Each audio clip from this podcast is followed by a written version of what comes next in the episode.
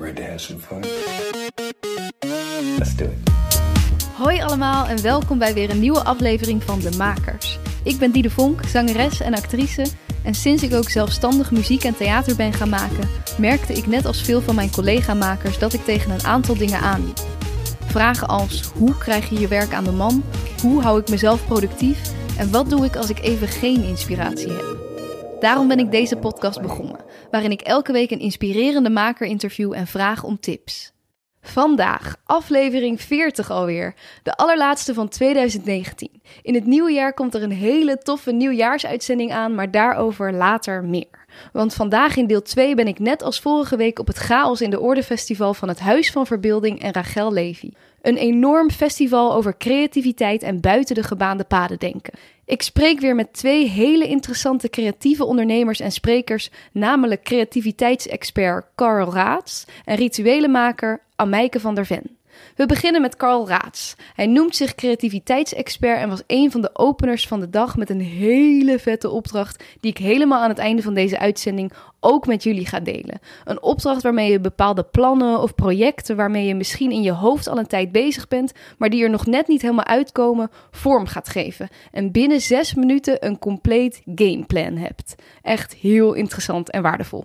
Dus die straks op het eind. Maar eerst gaan we luisteren naar wat Carl nog meer te vertellen heeft over onder andere creativiteit, geld, uit een dipje komen en nog veel meer. Veel luisterplezier. Hier is Carl Raats. Wij zijn hier op het festival eh, Chaos in de Orde. Ja. Wil je misschien heel even kort vertellen wie jij bent? Nou, Karel Raats, je zei het al.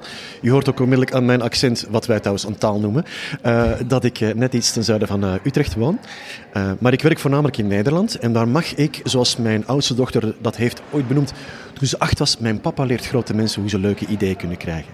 Hoe ze leuke ideeën Ja, kunnen krijgen. en daar mag ik mij mee bezighouden als facilitator, als spreker, als coach. De vorm is eigenlijk een beetje afhankelijk van de vraag. Maar de rode draad is eh, jouw, jullie creërende vermogen om met je bedrijf van A naar B te komen. Ja. ja, en ik zit hier natuurlijk als zelfstandig ondernemer, maar Mm. ook als bedrijf Ja. in zekere zin. En we hadden het net even over eh, een gezonde relatie met geld. Ja. En eh, ja, ik vroeg me af, dat is in, ja, in bedrijven natuurlijk heel erg anders. Mhm. Maar hoe denk jij dat dat voor zelfstandige ondernemers, je bent zelf ook een zelfstandig Ja. ondernemer, eh, heb jij daar ooit problemen mee gehad? Zeker wel. Maar dan niet zozeer in, in, in, in relatie tot, tot ehm, dat, dat spanningsveld tussen creatief zijn, creatief mogen zijn, moeten zijn, en dan dat beest dat geld verdienen heet. Eh, af en toe is gewoon, je hebt, je hebt een goed seizoen, je hebt een slecht seizoen. Eh, en en het, het goede aan de slechte seizoenen is, ja, never waste a good crisis. Eh, dat dat je wel noopt om dingen in vraag te stellen die er anders... Oh, nou, zo werkt dat wel. En dan dommel je in. En dan word je wakker geschud door plots drie lege maanden in je agenda. En dan moest er blijkbaar weer iets op de schop en was er weer ruimte voor iets nieuws. Dus het is een soort van zwalpen.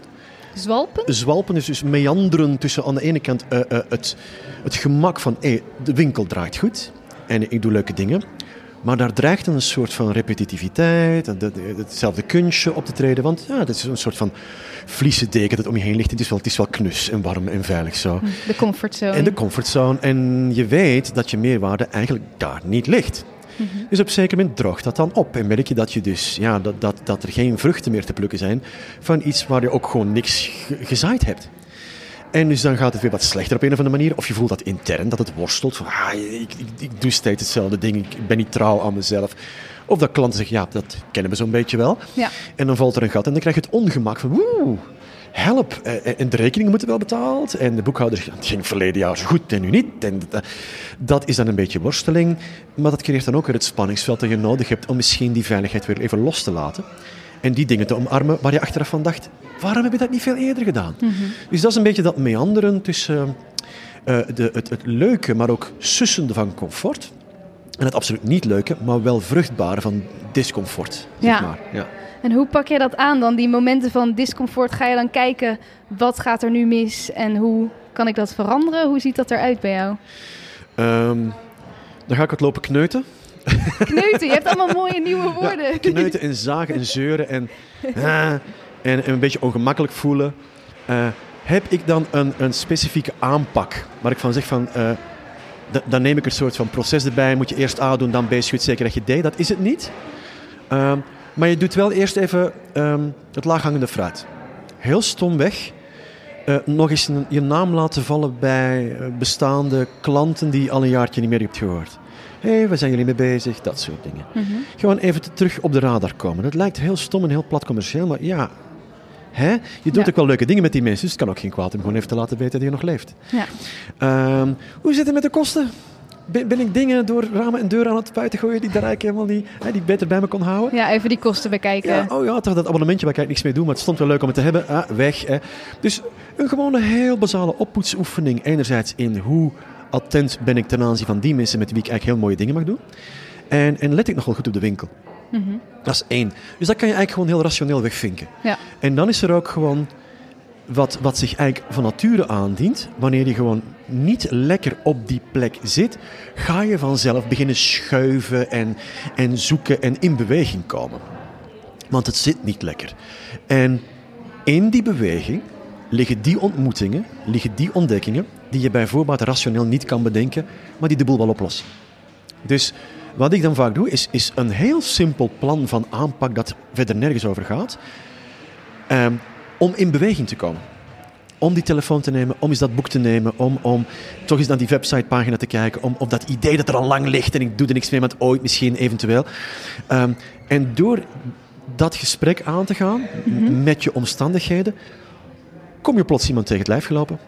Eh, zegt iemand, dat idee, wat gaaf, kunnen we wat mee doen? Dus het, het plan is eigenlijk een voorwendsel om in beweging te komen. Moet zo beschouwen. Je kent van die mensen die op reis gaan. En die hebben elke minuut van hun reis volledig uitgestippeld. Ja. Met een Excel-sheet ernaast. 16 uur 32 vertrekt die trein op dat perron. eh na, na die bezienswaardigheid hebben 15 minuten 32 seconden voor om dan die gids te vinden. Bladibla. Zelfs dat soort van eh, ingenieursachtige benadering van iets wat eigenlijk gewoon een leuk uitje moet zijn. ehm, als die mensen terugkomen van vakantie en ze vertellen over die vakantie, gaat het nooit over die lijst. Nee. Het gaat over de onverwachte dingen die ze tegenkwamen in dat steegje waar een oude dame zat, die zat de kantklas. En dat is mooi. Dus het plan is het voorwendsel om in beweging te komen. En in de beweging zelf ontdek je die antwoorden, die kansen, die ontmoetingen, die exact datgene waren wat je nodig had om Ja. weer... Ja, maar die heb je misschien niet ja. van tevoren kunnen bedenken. die rationeel Nee. niet van tevoren kunt bedenken. Nee. Maar je moet dus wel in beweging komen. Je ratio zet je in beweging. En dan moet je de tegenwoordigheid van geest houden om het cadeau te herkennen dat in je schoot valt op het moment dat dat gebeurt. Ja, ja precies. En hoe, hoe kom je nou in beweging als je denkt, ja, eh, ik merk dat veel mensen om me heen ideeën hebben en grote dingen willen doen, maar ook er tegenaan lopen dat ze het of niet durven of denken, ja, eh, wie ben ik? Eh, hoe, ja, hoe, hoe kom jij in die beweging? Hmm. Is dat een bewust proces? Is dat, is dat iets wat... Hoe kom ik in beweging? Nou, voor mij helpt een stok achter de deur. Een deadline werkt altijd. Hè? Dus bijvoorbeeld ehm, iets wat schrijvers allicht zullen herkennen. Er is nooit een ideale plek of moment van de dag waarop je ideaal kan schrijven. Er is... eh, je zal ervan versteld staan welke plekken zich lenen tot schrijven op het moment dat je een deadline hebt. Dan maakt het eigenlijk op geen, geen bal meer uit. Ja. Dus wat helpt voor mij is, ik dien verantwoording af te leggen tegenover een derde partij. Iemand van wie ik denk van, die kan ik niet teleurstellen. Ik heb dat beloofd, ik heb iets gezegd, ga ik gewoon doen. is trouwens een, een heel leuke die een coach me ooit heeft eh, eh, aangepraat en ik vind hem zo mooi, ik deel hem graag. Is, stel, jij hebt eh, je, je eigen theaterprojectje. Ja. Je hebt een monoloog die je wilt doen, ooit misschien eventueel als het allemaal past en klopt en bladibla. Nou, je weet eigenlijk dat je geen echt argumenten hebt om er niet in te stappen, maar de excuses klinken zo goed. Ja? Goed. Zet even een bedrag opzij dat, mocht je het kwijtraken, een beetje pijn doet. Voor de een is dat 25 euro, voor de ander is dat 2500 euro. Ja? Maakt niet uit. Het moet voor jou pijn doen wanneer je het kwijtraakt. Dat zei die coach, zet je bij mij op een geblokkeerde rekening. Dus, dus je kan er niet meer aan tenzij ik een handtekening geef. En we spreken een deadline af. Hè. We, zijn, we zijn nu eh, eind, eind november. Dus dat jij je monoloog voor het eerst gaat opvoeren eh, voor een testpubliek in een of ander theater in je buurt. eh, 15 februari. Hè? Doe je dat niet, dan gaat op dat moment gaat dat geld naar een doel waar jij niet van wil hebben dat het jouw geld krijgt. dus, dus neem dat iemand zei van, stel nou dat, dat, mijn, dat mijn donatie dan naar extreem rechts gaat, met ook de boodschap bij, het komt van die persoon, Ja. de groeten, zet het ook gerust online. Ja, je Ja, voelt het meteen. Het, pijn, ja. Nee! Dus, dus wat je krijgt, en dat werkt, dat werkt vaak heel mooi, is je hebt, je hebt een dubbel iets nodig. Je hebt de wortel nodig, Mhm. in dit geval het vooruitzicht van hoe zou succes eruit zien. Dat je 15 februari die monoloog eindelijk kan brengen en, en, en dat, die gezonde zenuwachtigheid die je hebt voor, voor het opkomen. Maar ook wat het idee van, het wordt, je weet nu wel, het wordt wel goed. Ik weet niet hoe het eruit gaat uitzien, het gaat uitpakken, maar het, het komt goed. Dus dat is die wortel van, ik wil wel. En tegelijk die stok achter de deur. Als ik het niet doe, krijgt het meest foute doel geld van mij dat ik eigenlijk niet kan missen. Ja. Met mijn complimenten erbij. Nee, nee. En die combinatie eh, werkt synergetisch. Ja. Dus 1 en 1 wordt dan 5, 50, 500 Mhm. in 1 toch vooruitgedreven worden. Zo zou je hem kunnen aanpakken. Ja, en zo, dan moet je dus wel echt een coach hebben of iemand die het ook echt gaat doen met je- jouw je- geld. iemand, je, dat, dat kan gewoon je, je partner zijn, je beste Ja. kameraad, je, je, ouders. Maar die Van- niet, die wel streng is. En die strenge die zegt van, het, het geld gaat naar. Ja, En je doet gewoon. En van je weet van, ja, die doet dat ook gewoon. ja, mooi. Dus, maar, maar je, ja, dat zie je niet natuurlijk op een podcast, maar ik zag je meteen doen. Ja, ja, dat Dus- ziet de en- luisteraar niet, maar ik- hij maar- kwam maar- binnen. Ja, en, en dat is hè. Eh, Ja. en, en dan voel je meteen, ja, je rationele excuses die gaan zo de deur uit. Ja, moet, dan moet ik echt nu wat gaan doen. Echt wel. Ja. Ja. Tof. Hey, en je had het even op het begin nog over, ehm, ja, soms dan, dan, weet je, dan, dan merk je dat je op een gegeven moment hetzelfde aan het doen bent Hm. en er zit niet echt meer het vuur in, Ja, die sleur. eruit, ja. Ja, hoe, hoe, ja, hoe doorbreek je dat? Het lastige is, eh, bijvoorbeeld in wat ik doe, hè, eh, een groot deel van mijn, van mijn omzet is spreken. Op congressen zoals eh, vandaag. De reden waarom je wordt gevraagd voor een vondenpartij is omdat je ze daar hebben zien spreken Mhm. en graag hetzelfde zouden willen. Ja, Dus je, je, je, je- je wordt uitgenodigd om eigenlijk in herhaling te vallen. precies. Want dat werkt zo goed. Ja, Dus wat bij mij werkt, is dat ik toch, om het spannend te houden, ook voor mezelf, eh, in de intake zeg, ja, is, is dat wel wat je wil? Ja, want want eh, mijn vraag die ik altijd neerleg bij, bij eh, een opdrachtgever is, wat dient er veranderd te zijn bij de mensen na mijn interventie? ja, En hoe gaan we dat weten?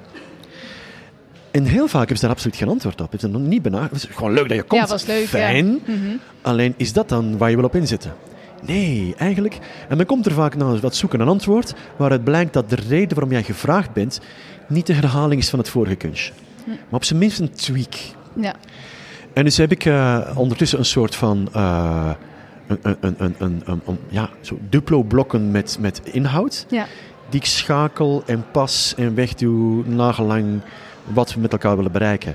En door het feit dat ik ook eh, het geluk heb van in heel veel bedrijven terecht te komen en in heel veel interne keukens mag gaan kijken, eh, ontdek je allerlei mensen, allerlei systemen, allerlei vindingen, allerlei manieren van werken, waardoor je zelf ook weer gevoed wordt om het dan eh, linkjes te kunnen leggen bij een ander die die niet zag, omdat die nooit in die interne keuken bij die vorige komt kijken. Dus Ja. het is zo'n soort van en toch je klant geven waar hij enigszins jou in herkent. Want, Mhm. ja dus En tegelijkertijd ook voor jezelf en, en voor hem of haar er wat nieuwigheid in steken die jou drijft richting oeh, spannend.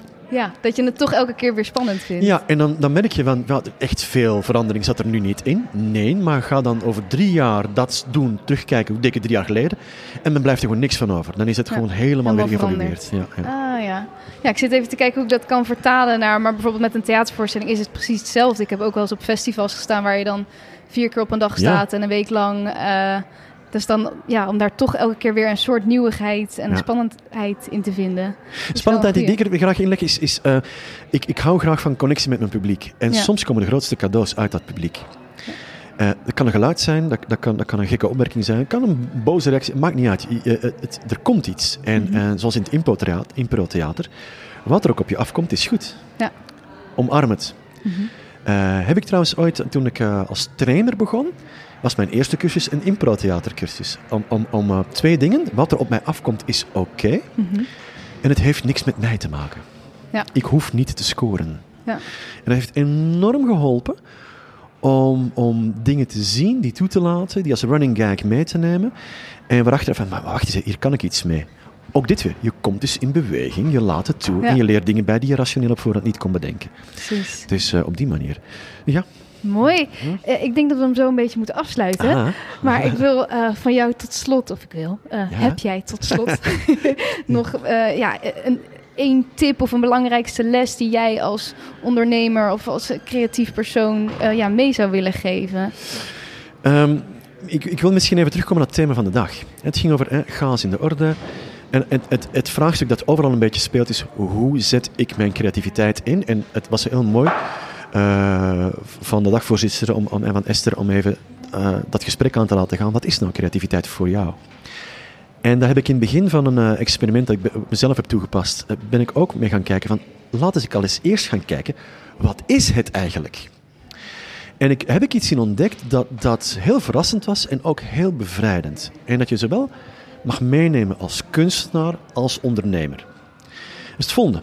De moderne invulling van het woord creativiteit komt van een Poolse dichter uit de 17e eeuw. Sarbiewski noemde die, die kerel. Was toen heel populair was toen dik met de paus en de koninklijke familie in, in, in Polen. Uh, had enorme invloed. Uh, werd ook Horatius Par genoemd, de evenknie van Horatius. Dus werd echt op handen gedragen. Jezuïet. Uh, en, en dichtte in het Latijn. Wordt ook de laatste Latijnse dichter genoemd. Nobel onbekend voor ons, maar van enorme invloed in zijn tijdsvak. En blijkt naar ook de reden waarom wij vandaag samen zijn. Want hij is op een zeker moment uh, mensen willen gaan meenemen in dat vreemde proces van niets naar een gedicht. Ah. En, en hij wilde het omschrijven en heeft toen als eerste creativiteit in zijn huidige context gebruikt. Het creëren van iets uit niets. Wat behoorlijk pittig was. Want we spreken al wel flink wat renaissance, maar hij is wel een jezuïet.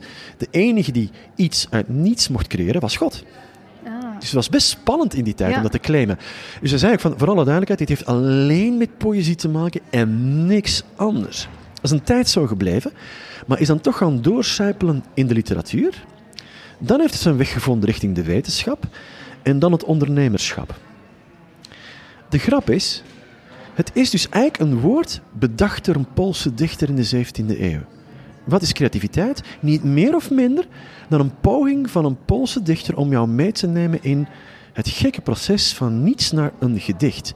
En wat wij gaan doen? Wij herkennen een woord, we maken er een label van en zijn het op alles en iedereen gaan kleven. Jij bent creatief, jij bent niet creatief. Die baan is creatief, die baan is niet creatief. Terwijl het is een woord bedacht door een Poolse poëet in de 17e eeuw. En het bevrijdende eraan vind ik die gedachte. Ja. Dus als je meer creatief wil zijn, wees dan gewoon in de wetenschap dat het een label is dat verder niks met datgene te maken heeft waar jij op dat moment in verdwijnt. En het is een woord bedacht door een Poolse dichter in de 17e eeuw. Klaar. Top, dankjewel. Alsjeblieft. Dat was Karl Raats. Ik zou volgens mij uren naar deze man kunnen luisteren. Voordat we gaan luisteren naar Amijke van der Ven, vast wat fijne takeaways van dit gesprek. 1.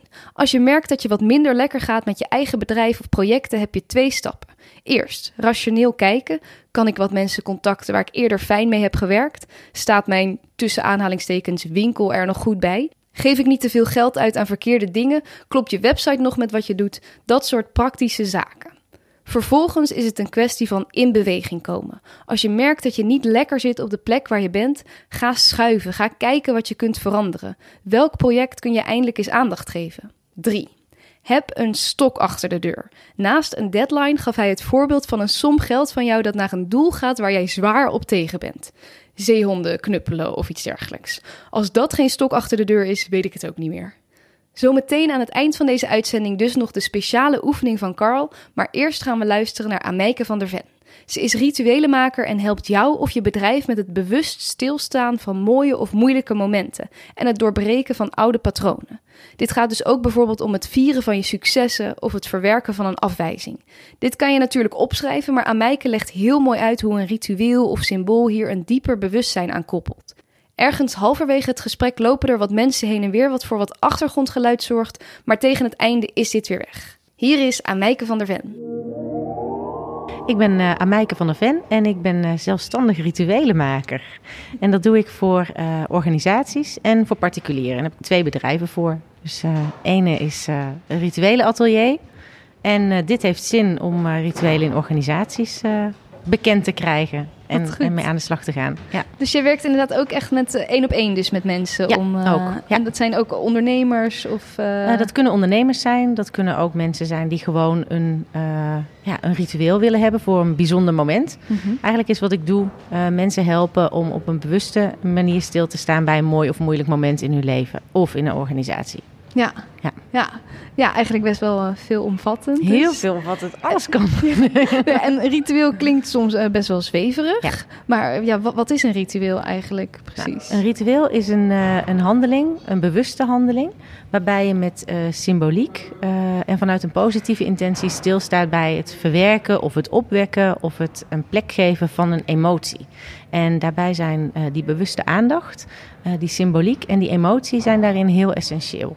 Dat maakt het dan weer anders dan alle andere dingen die je kan doen om iets vorm te geven. Mhm. en, en wat is symboliek dan bijvoorbeeld daarin? Ehm, nou, eigenlijk het, eh, ehm, het, het eh, visualiseren of het tastbaar maken van een gevoel door een element. En dat kan bijvoorbeeld, eh, dat is ook heel erg persoonsgebonden, kan heel persoonsgebonden zijn. Eh, maar bijvoorbeeld ehm, het feit dat je een bootje hebt om iets weg te laten varen. Of ehm, een, een gelukspoppetje is een symbool. Of ehm, een sleutel om iets, iets te ontsluiten in jezelf. Ehm, eh, we hebben, eh, bij mijn huwelijk hebben we bijvoorbeeld een, een koord gebruikt als een symbool voor de verbondenheid die we hebben met elkaar. Dus zo kun je eigenlijk overal een tastbaar element voor vinden om iets groters eh, vorm te geven. Ja, en wat, wat is de, de toevoeging van het tastbare e- element? Want ik kan het me heel goed voorstellen. Maar hoe eh, met bijvoorbeeld... eh, nou, ik heb bijvoorbeeld een, eh, een succes gehad in iets. En wat ik nu vaak doe is... Nou, ik schrijf dat dan op. Of ik probeer daar een beetje op te reflecteren. En wat geeft het voor extra's dat, dat je daar een, een, een, ja, een ritueel bij maakt? Nou, een ritueel, of in ieder geval zo'n symbool, werkt dieper door op je onderbewuste. Ehm, je hebt eh, je basisemoties van blijdschap of verdriet of boosheid of angst. En die zitten heel diep in je oudste hersendelen. En dat is een deel in je brein waar taal niet per se een toegang toe heeft, omdat we op het moment dat het ontstond nog geen taal hadden. En symbooltaal eh, hadden we toen al wel, eh, heel, heel erg lang geleden. En eh, die heeft wel toegang tot die delen. Dus je kunt een diepere laag van je brein aanspreken en van je emoties aanspreken door symboliek te gebruiken bij een ritueel. Eh, merk je dat het in organisaties heel anders is dan bij individuen? Wat voor soort rituelen je gebruikt? Ehm, nou, eigenlijk eh, merk ik, ja, natuurlijk zijn er heel ander soort rituelen, omdat je een heleboel ander soort momenten hebt. Mhm. Maar eigenlijk zijn die momenten die je in organisaties tegenkomt ook weer heel erg goed te koppelen aan de momenten die je buiten een organisatie tegenkomt. Ja. Als je kijkt naar een fusie van twee ehm, bedrijven bijvoorbeeld, dan is dat eigenlijk een huwelijk. En buiten een organisatie heb je daar een heel mooi ritueel omheen. En ben je daar heel zorgvuldig, ga je dat vormgeven en organiseren. Ehm, en in organisaties eh, vaak op ja, procesniveau, maar niet op het emotionele niveau. En zo zijn er heel veel van dat soort momenten. Als jij nieuw binnen in een organisatie komt werken, word je eigenlijk voor de eerste keer geboren in een organisatie. Of ehm, wanneer je ehm, eh, eh, een, een collega hebt die wegvalt, eh, voel je net zo goed verdriet of rouw als wanneer je buiten een organisatie iemand verliest. Dus eigenlijk zijn er ook heel veel parallellen te vinden tussen de momenten die we in organisaties tegenkomen en de momenten waarbij we het buiten organisaties al heel normaal vinden dat we rituelen hebben. Oh ja, oh mooi om er zo naar te kijken inderdaad. Ik krijg gelijk allemaal ideeën hoe ik dan, nou ja, eh, zelf gewoon als ondernemer bijvoorbeeld bij elke nieuwe opdracht die je binnenkomt iets, kan, iets leuks kan ja. doen. Of eh, ja, eh, ja, bij, bij iets wat je hebt afgesloten. Ja, Ja, ja. super tof. Heb je wat, wat leuke concrete voorbeelden van Oh wat ja, ik heb, eh, ik heb eh, toen ik mijn eh, ehm, toen ik zelf startte als ondernemer en wegging bij mijn oude baas, heb ik alle oude papieren die ik had van die baan heb ik verzameld en heb ik mijn eigen burning plan party gedaan. Burning een- Plan. En heb ik eh, echt eh, letterlijk alle papieren verbrand. En mijn oude visitekaartjes. En echt op die manier ook ehm, ja, symbolisch ruimte gecreëerd voor iets anders. En, eh, en dat voelde heel erg goed. En ehm, ja, dat, dat was heel, heel fijn. En wat ik zelf uh, aan het einde van het jaar doe, is dat ik tijd en ruimte maak om een, uh, een vision board te maken. Dus ik maak geen businessplan, maar ik maak een vision board voor het komend jaar. Mm -hmm. En uh, ja, dat, dat is voor mij werkt dat heel erg goed als een symbool om aan vast te houden om op koers te blijven. Ja. ja. Want, en hoe ziet dat eruit, uh, dat vision board? Nou, dan heb ik een heel groot schilderij. En uh, uh, daar trek ik echt even de tijd voor uit om dat te maken. En dan knip ik uit allerlei tijdschriften alles wat raakt aan de doelen die ik heb. Dus mm -hmm. eerst ga ik daar wel een stuk op reflecteren, wat jij ja. ook al zei. en dan daarna ga ik daar plaatjes bij zoeken en teksten en kreten. En dat komt dan echt op mijn kantoor te hangen elk jaar. En dan ja, houdt dat me Zodat op je er koers. het ja. hele jaar ja. naar kan blijven kijken. Ja. ja. En juist dat, uh, omdat je onbewust die afbeeldingen gaat zoeken, um, werkt dat heel erg lekker door op het uh, manifesteren van, nou, wat wil je dan, wat wil je dan eigenlijk? En hoe kun je dat dan uh, voor jezelf voor, voor elkaar krijgen? Ja. ja, dat vind ik heel mooi, want ik ben soms heel erg bezig met ratio en dingen opschrijven of zo. En dat is ook natuurlijk allemaal goed, maar om het echt te visualiseren of er ja. inderdaad een voorwerp of iets erbij een ritueel bij te doen, dat, dat nou ja, ja. ik kan me dat heel goed voorstellen. Dat het op echt een dieper niveau blijft doorwerken. Heel tof. Hoe kwam, je er zo, hoe kwam je er zelf zo bij om te stoppen met je werk en dit te gaan um, doen? Nou ja, voor mij was het, ik was alles een beetje door elkaar heen aan het doen. Uh, begonnen met ondernemen, terwijl nog in loondienst. Uh, dan weer een, een, tweede onderneming erbij, nog steeds in loondienst. En dan merk je gewoon dat alles wat je aandacht geeft groeit. En als je het geen aandacht geeft, kan het dus ook niet groeien. En dat was het moment waarop ik dacht van ja, als ik echt iets wil gaan doen hiermee, dan moet ik een keus maken. En dan koos ik toch echt wel voor de rituelen. Dus dat, ja. Uh, ja. En is er een moment geweest dat je tijdens jouw uh, werken in loondienst erachter kwam van dat rituelen, dat vind ik echt, daar, daar wil ik iets mee? Ja, eigenlijk uh, um, is dat al drie jaar geleden begonnen. Um, toen was ik al met mijn privé uh, uh, rituelen bezig, dus met mijn particuliere rituelen. En kwam ik erachter dat, uh, dat dat soort momenten in organisaties er ook waren. En ik, ik werkte als communicatieadviseur in organisaties en veel met verandertrajecten. En dan zie je gewoon wat een emotionele armoede er eigenlijk nog is in organisaties. En, en dat was het moment voor emotie? Of? Ja, nou ja, dat het, niet, dat, het, dat het iets is wat niet als zodanig ook wordt aangepakt. Dus dat emotie wel gezien wordt en gevoeld wordt en vooral ook lastig wordt gevonden, maar niet wordt gezien als iets waar je met een ritueel ook uh, bij stil kan staan of kan oplossen of ruimte kan geven. Nou, dat was het moment waarop dat ik samen met Ilse, mijn toenmalige baas en nu mijn partner, heb oh. gezegd van wij gaan samen uh, rituelen voor organisaties uh, maken. Ja.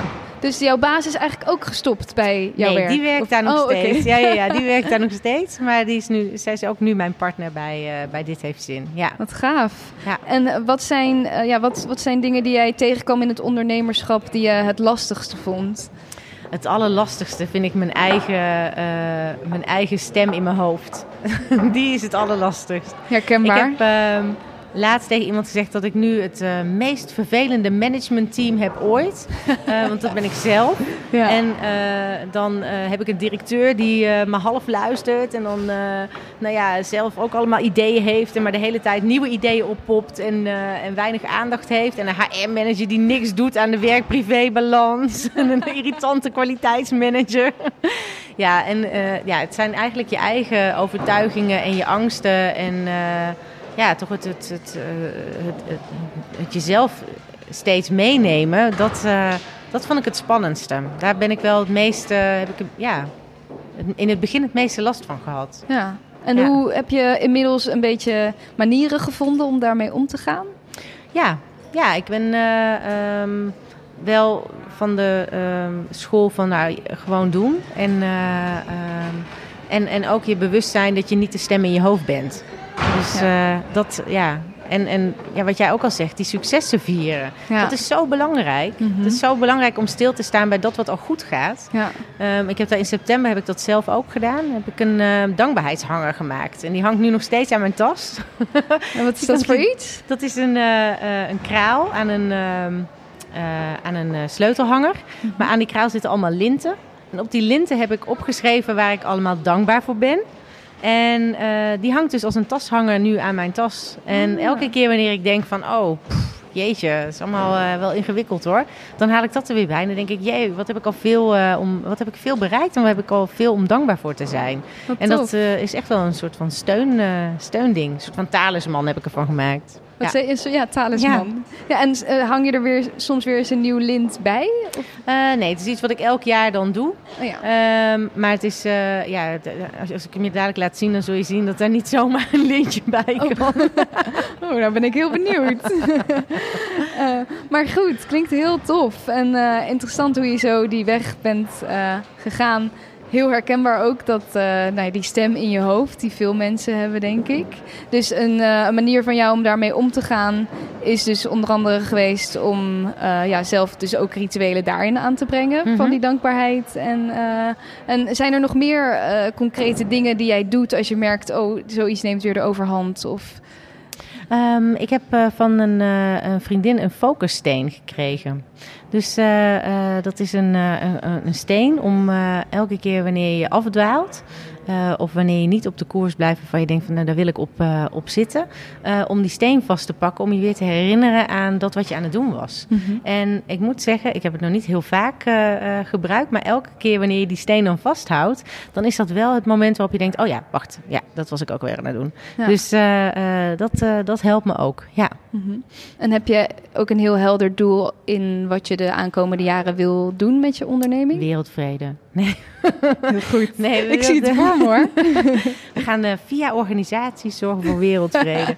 Nee, we- wat, ik, wat ik als doel heb, is dat ik eigenlijk wil dat eh, rituelen binnen organisaties weer een nieuw normaal worden. Ja. Dus dat dat gewoon in het pakket eh, zit en dat mensen naast alle andere dingen die ze doen en alle ratio-dingen eh, die er binnen organisaties plaatsvinden, ook ruimte vinden voor die menselijke emotie en om daarbij stil te staan en dat die rituelen daar gewoon heel erg goed bij passen. Dus dat is, dat is wat, ik, wat ik wil. Dat, Ja. eh, dat dat binnen elke organisatie in Nederland eh, over vijf jaar gewoon super normaal is. Tof. Ja. En voel je daar nu soms weerstand in? Want het, het is natuurlijk iets wat mensen misschien gek vinden of zo. Als je bent, gewend bent om gewoon ja, in een organisatie te zitten. Vinden mensen dat soms lastig? Ehm, eigenlijk merk ik dat er steeds meer ruimte voor komt. Ehm, ik merk dat de organisaties op zoek zijn naar, eh, naar nieuwe dingen die ehm, eh, veel meer te maken hebben met de menskant van de organisatie. Ehm, je merkt dat de afgelopen jaren zijn er heel veel nieuwe eh, uitvindingen geweest en heel veel nieuwe methodieken ontwikkeld, die toch misschien ook nog steeds wel heel erg op de ratio en de proces- en systeemkant in, eh, in organisaties zaten.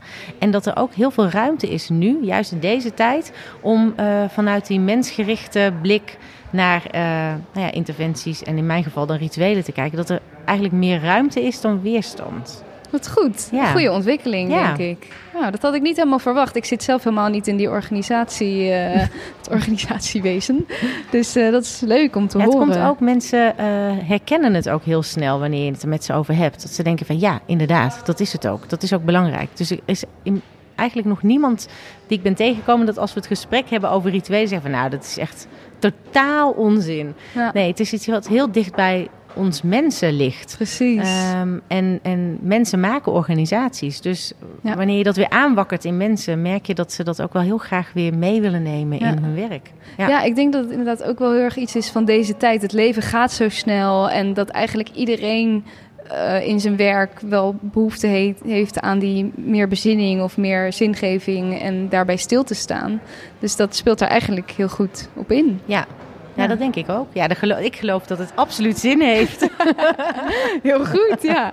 Ehm, heb jij tot slot nog een, een tip voor, of een, een les die jij bent tegengekomen als ondernemer, of iets eh, ja, wat, wat je mee wil geven aan andere makers, ondernemers?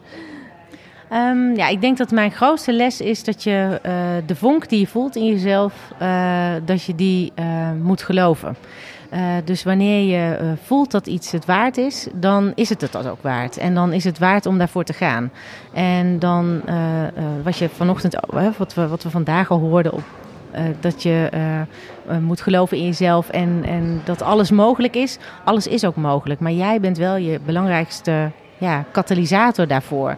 En ik denk dat dat ehm, voor iedereen die in creatieve beroepen zit, dat dat de belangrijkste les is. Dat je moet geloven in die inspiratie die in je zit. Heel mooi, dankjewel. Dat was Amijke. Hier ook weer een paar mooie realisaties. 1. Een ritueel werkt dieper door op je onderbewuste. Je hebt je basisemoties, blij, bang, boos en dat soort dingen. En die zitten heel diep in je oudste hersendelen. Taal heeft niet echt toegang tot dat deel van je brein, omdat volgens Amijke dat ontstond toen we nog geen taal hadden. En symbooltaal is er al veel langer. Dus je kunt daarmee een diepere laag van je brein en emoties aanspreken. 2.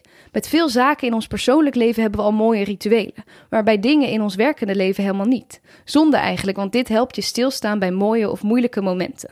3. Hier een paar praktische voorbeelden voor rituelen voor jouw bedrijf. Een vision board maken bijvoorbeeld voor het nieuwe jaar. Reflecteer eerst op wat je wilt en ga hier vervolgens plaatjes en kreten bij zoeken. Dit helpt weer door in je onbewuste. Of bijvoorbeeld een pot die je vult met stenen en kralen voor elk succesmoment dat je hebt. Of een dankbaarheidshanger. Of ze had het ook over een steen ergens neerleggen om je bewust te maken van een richting die je misschien niet op wilt. Dit klinkt misschien allemaal best zweverig, maar ik merk wel dat dit soort dingen echt kunnen helpen. Al zijn het maar even geheugensteuntjes voor stilstaan bij wat je allemaal doet en wel of niet wilt. We zitten als mensen vaak zo in ons ratio. Het kan heel erg helpen om iets fysieks en tastbaars daarbij te halen om je onderbewuste ook meer aan te spreken. 4. Geloof de vonk in jezelf. Als jij voelt dat iets het waard is, dan is dat het ook. Jij bent alleen wel de enige katalysator die dit allemaal in gang kan gaan zetten. Oké, en dan nu de lang verwachte opdracht van Carl. Oké, schrijf dit mee, want de resultaten waren echt enorm en het is eigenlijk heel simpel. Je doet dit met drie personen, maar je kunt het ook in je eentje doen en je dan proberen te verplaatsen in alle drie de karakters. We beginnen met persoon 1, de dromer. Oké, neem een project of een plan dat je al een tijdje in je hoofd hebt, maar wat je nog niet hebt uitgevoerd. Uh, neem dat even in je hoofd. Oké, zet dan de timer op twee minuten om dit plan helemaal op te schrijven of uit te spreken vanuit de ik-vorm. Uh, ik ga dit doen, ik ga dat doen. Uh, en ga lekker wegdromen zonder restricties over wat allemaal zou kunnen. Twee minuten lang, zonder jezelf te onderbreken of zonder aan dus restricties of iets te denken. Oké, na twee minuten komt persoon 2. De realist. Zet weer de timer op twee minuten en formuleer hoe je dat gaat doen. Weer vanuit de ik-vorm. Ik ga eerst dit doen, dan ga ik dat doen. Maak het zo groot of zo klein als je wil. Dus ook al werk je met drie personen, iedereen zegt het vanuit de ik-vorm. Dus wat is het plan van aanpak? Wederom geen restricties.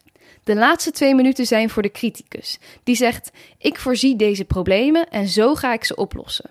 Niet om het idee af te knallen, maar juist om het een waterdicht plan te maken. Belangrijk is in alle stappen om elkaar niet in de reden te vallen, niks te zeggen en iemand voor de volle twee minuten te laten praten. Of jezelf dus voor de volle twee minuten te laten schrijven zonder een tegenargument. Dit kost dus zes minuten en ik heb echt mensen mega doorbraken zien krijgen. Het helpt natuurlijk sowieso al als je een lang gekoesterd plan of idee durft uit te spreken. Het voordeel van met drie mensen werken is natuurlijk dat er allerlei ideeën ontstaan waar je zelf misschien helemaal niet aan had gedacht. Maar ook in je eentje kan dit volgens mij al supergoed. Ik denk dat het ook misschien extra werkt als je het wel hardop zegt, ook al ben je alleen. Misschien voelt dat een beetje kneuzig, maar iets formuleren op een manier waarop anderen die jou of je werk totaal niet kennen en het ook moeten begrijpen, helpt ook om het voor jezelf nog helderder te krijgen. Vaak als je een idee in je hoofd hebt, heb je daar gelijk tien argumenten voor waarom het niet zou kunnen. Met deze opdracht dwing je jezelf om daar helemaal van weg te blijven en te formuleren hoe het wel zou kunnen. En in de laatste stap hoe je mogelijke problemen kunt overkomen. Dus 1. De dromer. Wat is het plan? Wat wil je gaan doen? 2. De realist. Hoe ga je dat doen? 3. De criticus. Ik voorzie deze problemen en zo ga ik ze oplossen. Super waardevol. Heel veel dank aan mijn gasten, aan Mijke van der Ven en Carl Raats. Dat was hem, aflevering 40. Niet normaal eigenlijk. Maart dit jaar begon ik met de podcast en wat een extreme hoeveelheid bijzondere mensen heb ik al mogen spreken. Zoveel inspiratie, tips en mooie ontmoetingen.